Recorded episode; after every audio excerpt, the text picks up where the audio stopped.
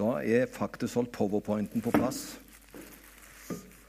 Jeg hadde med meg en reserveløsning, men jeg skal bruke denne likevel. Men det er veldig fint å se dere, og fint å være i Guds hus. Og veldig flott å få se denne flotte familien. Og den lille som vi på en spesiell måte husker i bønn, både nå og siden. Det nærmer seg påske. Og eh, jeg har i dag og neste søndag noen sånne førpåsketaler. Og da har jeg tenkt å fokusere på eh, noe som har med konsekvenser og viktigheten av at Jesus døde for all verdens synd.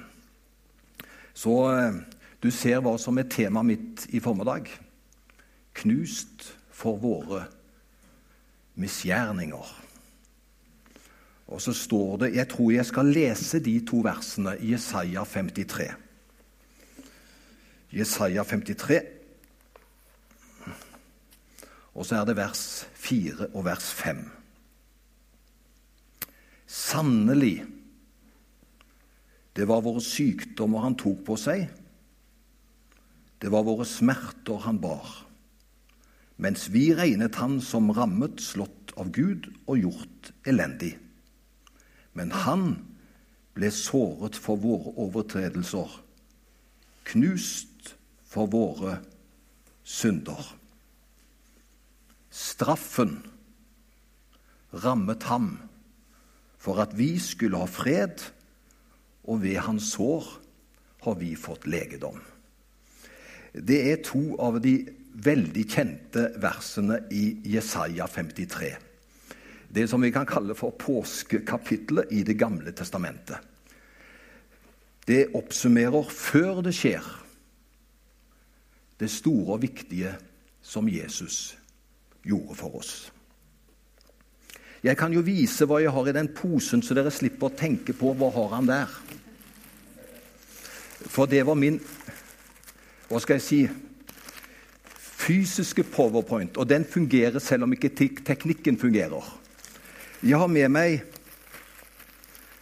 ei nattverdsflaske.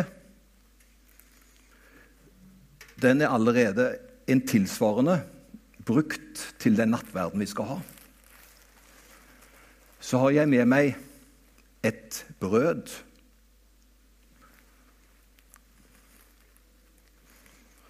Og så har jeg med meg ei salveflaske som vi bruker når vi salver og ber for de syke. Så disse tre tingene har jeg med meg. Og egentlig Den var ikke fin, så den legger vi der. Det er elementer av ting som jeg vil ta opp i talen min i dag. Og det er en veldig god både introduksjon til påsken og også til nattverden, som vi skal feire i dag. Vinen, brødet og salvoljen.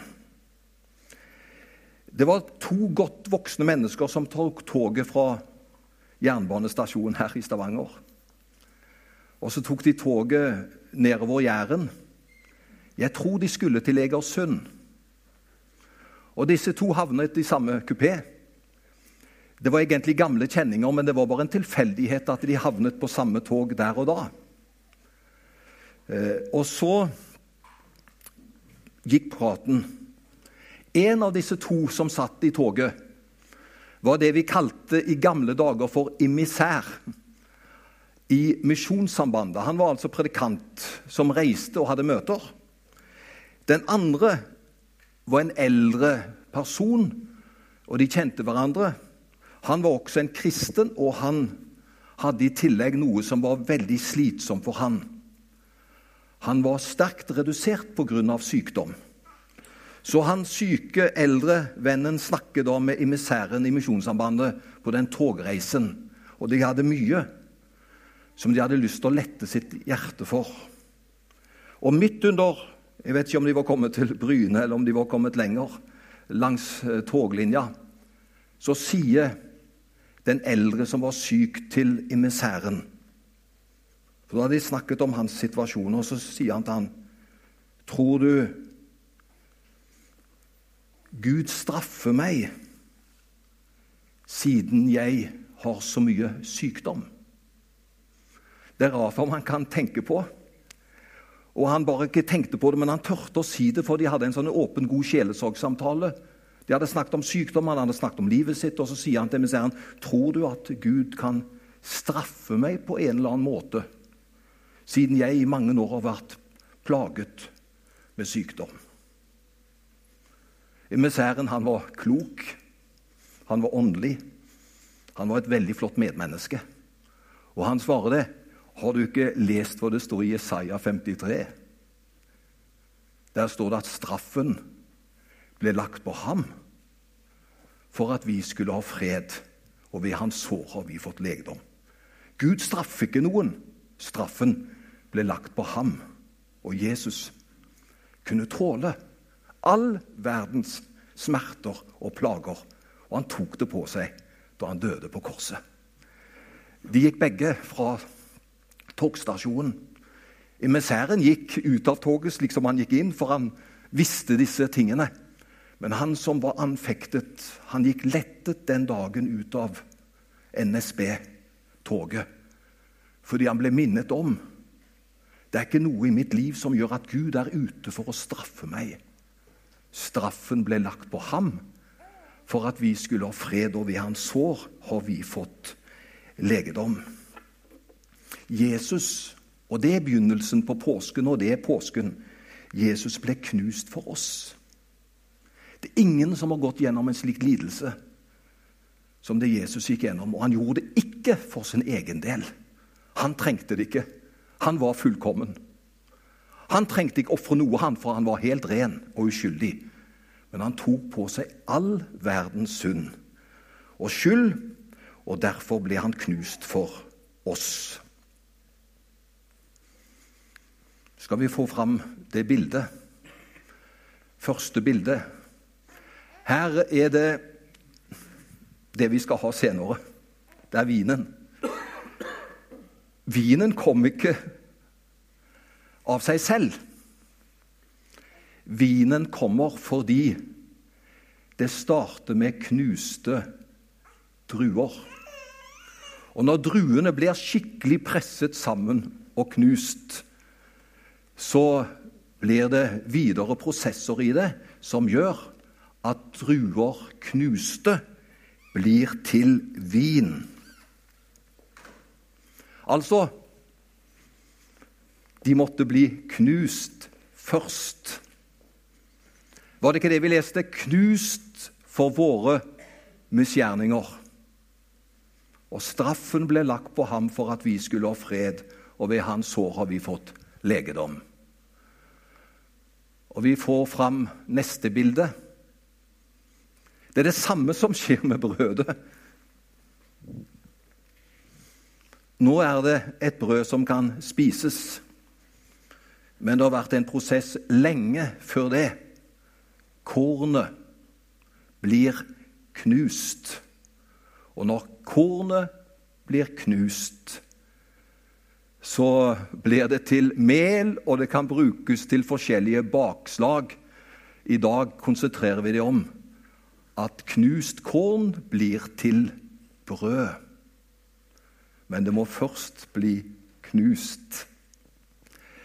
Neste bilde er det tredje symbolet.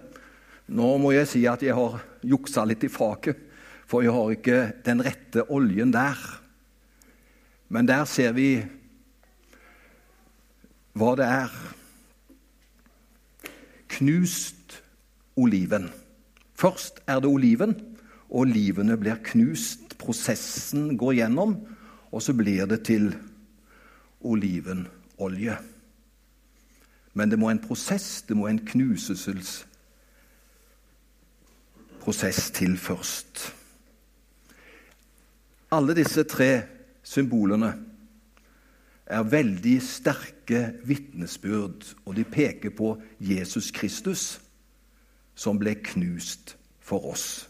Og Der ser vi konsekvensen av det. Det ble til vin Det ble til hans legeme, hans kropp, brødet som et bilde på det. Og det ble til olje, til befrielse, til legedom. For ved hans sår så har vi fått legedom.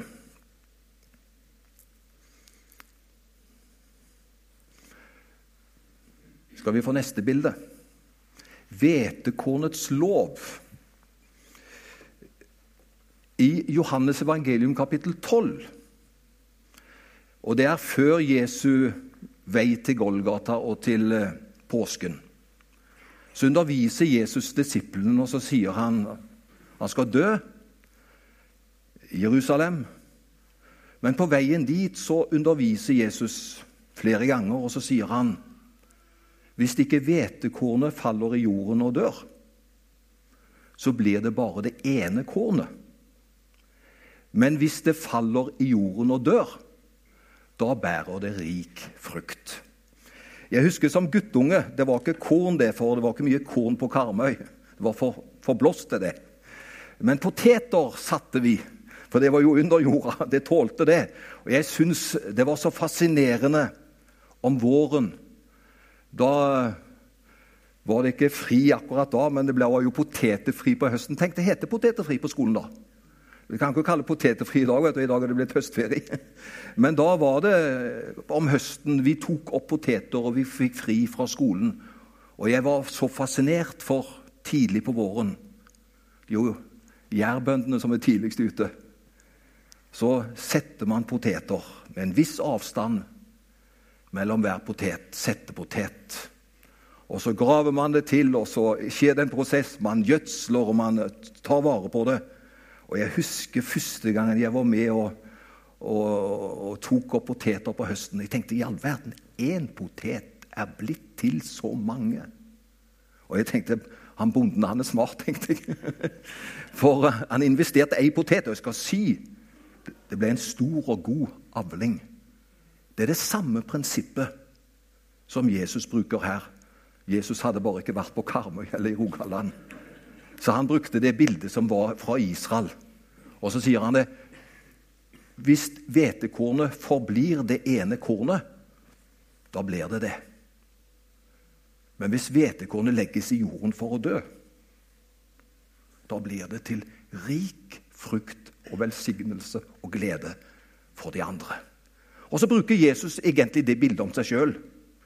Tiden er kommet da han, som det fullkomne offer, som det fullkomne hvetekorn, om vi kan bruke det bildet, blir lagt i jorda. Og jeg skal si det ble en stor gevinst ut av det. Tenk hva som skjedde da Jesus døde for oss.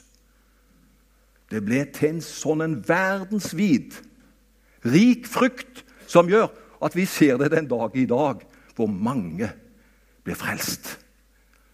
Og det har med det å gjøre at hvetekornet Jesus Kristus ble lagt i jorden for å dø. Han gjorde det for oss alle. Så det er en prosess som vi må gå gjennom alle. Og i dag vil jeg si noe som eh, Jeg skal skynde meg å si det, for det er ikke lett å si det, men for neste bilde. Alle opplever egentlig utfordringer med livet sitt. Jeg kaller det alle opplever lidelser. Nå var ikke det et så godt bilde. Det var bedre kanskje der. Det er ei dame som er framme og dekket ansiktet med sine hår. Hun er helt fortvilet. For hennes situasjon er nesten umenneskelig.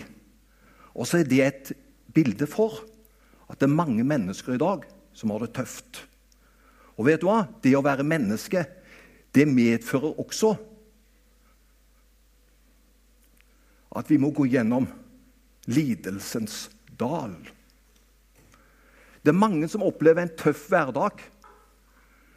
Og Jesus han sier den som mister sitt liv for mitt navns skyld, han skal finne det. Altså den som er villig til å gi sitt liv gjennom smerter, gjennom vanskeligheter, den skal få oppleve Gir man det, forsaker man det, så vil man få det igjen i rikelig monn. I går så tok jeg en liten kontakt med han som leder Åpne dører i Norge. Jeg kjenner han godt. Morten Askeland heter han. Og Jeg måtte få en sånn siste statistikk, og jeg spurte han. Jeg skal komme litt inn på lidelser. på min tale i dag. Og noen har lidelse i familien sin. Men kan du tenke deg større lidelser for foreldre når de opplever at barna har det vondt? Eller når barna gjør noe som ikke, ikke sant, man syns om sjøl. Det er en lidelse for mor og far. Man kan oppleve lidelse på jobben, i forbindelse med kolleger. Vi kan oppleve lidelser ikke sant? med sykdom. Altså, Det er så mange felt hvor vi kan oppleve lidelser i livet. Og det står om den prøvede tro, som er mer kostbar enn den forgjengelige gull. Så, så, det er en side som vi ikke skal hoppe lett over. For det er mange som har lidelser. Men nå tenker jeg ikke da på sykdom eller en tøff situasjon på jobben, men jeg tenker på Og så spurte jeg Morten Askeland hvor mange kristne i denne verden er det som blir forfulgt for Jesu navns skyld. Og Da fikk jeg et svar. Jeg vet ikke hva du hadde tenkt. Hvor mange er det som blir forfulgt, som må sitte i fengsel og oppleve lidelse for de tror på Jesus rundt omkring i verden? Nå trenger vi tenke på det, for du skal få svaret.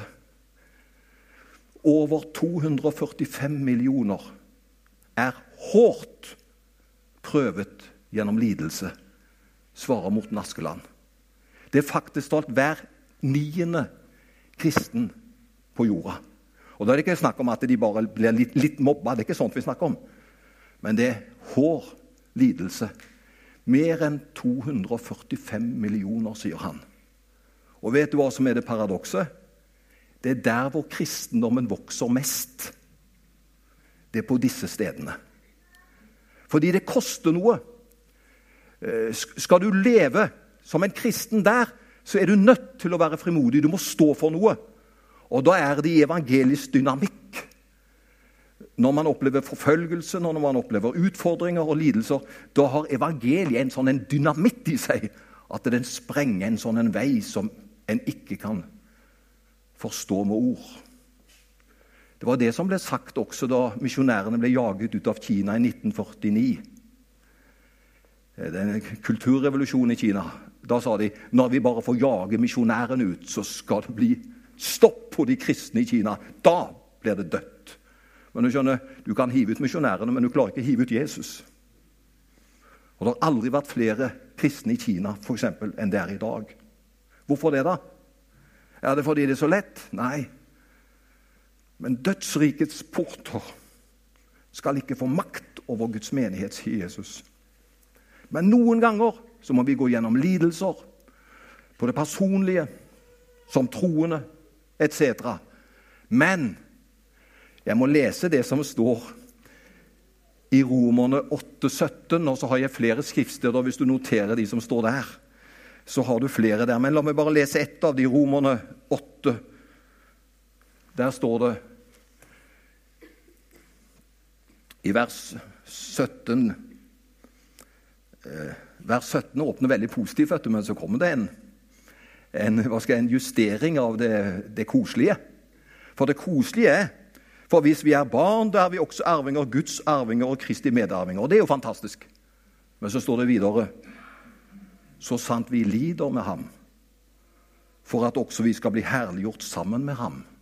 Og så står det Jeg er overbevist om at lidelsene i denne nåværende tid er for ingenting å regne sammenlignet med den herlighet som skal bli åpenbart på oss. Så selv om en må gå gjennom lidelser, og noen må gå gjennom store lidelser, så sier Paulus det er ingenting å regne med. Det er så fantastisk, det som kommer ut på den andre siden. For Gud er med. Det siste bildet vil komme fram nå. Han hørte mitt rop. Hvem er det som roper? Det er de som har nød.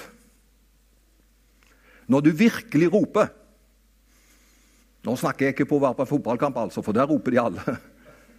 Men nå snakker jeg på i det personlige livet. Hvem er det som virkelig roper? Jo, det er de som opplever Jeg klarer ikke å gi uttrykk for det. Det kommer bare fram et rop. Jeg har bare lyst til å si Det står så mange ganger i Bibelen han hørte mitt rop. Hvem er det som roper? Det er mennesker som er utfordret. Det er mennesker som lider. Det er mennesker som har utfordringer og vanskeligheter. De må bare, de klarer ikke å styre det. De roper det ut. Og Jeg har lyst til å si det til forsamlingen her i dag. Herren hører også ditt rop. Og du vet når du roper. Kanskje er du absolutt alene da. Kanskje sitter du i bilen da, eller kanskje er du på hytta eller helt for deg sjøl. For vi roper kanskje ikke så høyt når vi er sammen med andre, men Herren hører mitt rop. Det står så mange ganger i Salmenes bok at Herren hører mitt rop. Vi kan jo lese det første stedet der, Salme 40. Så avslutter vi med, med det verset, så da vet dere at uh, jeg taler ikke så lenge i formiddag, gjør jeg det? Jeg tror ikke jeg taler så lenge allikevel, for jeg har sett deg at jeg er under 30 minutter omtrent hver gang. Så det var en liten spøk fra Linda at jeg taler lenge, men eh, jeg gjør nok ikke det. Og det vil jeg ikke heller. Så det er et valg. Salme 40.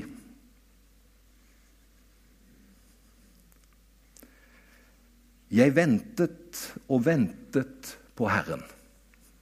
Jeg syns det er godt det står sånn. For noen ganger er det ikke bare ventet, men det står 'ventet' to ganger. Altså Noen ganger må vi vente flere ganger.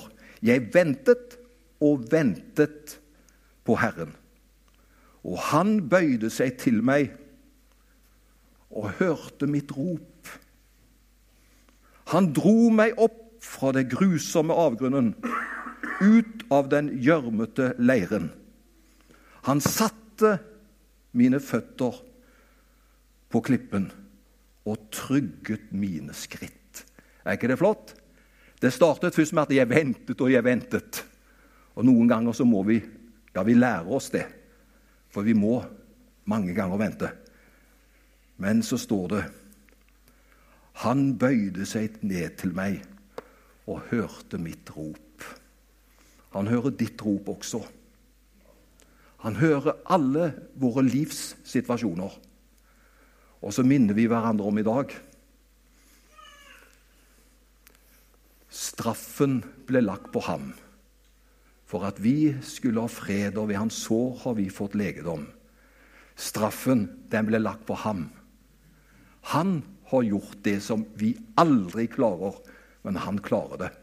Og Derfor kan vi vel allerede begynne nå å ønske hverandre god påske. For det er dette som er påske. Jesus vant, og jeg har vunnet.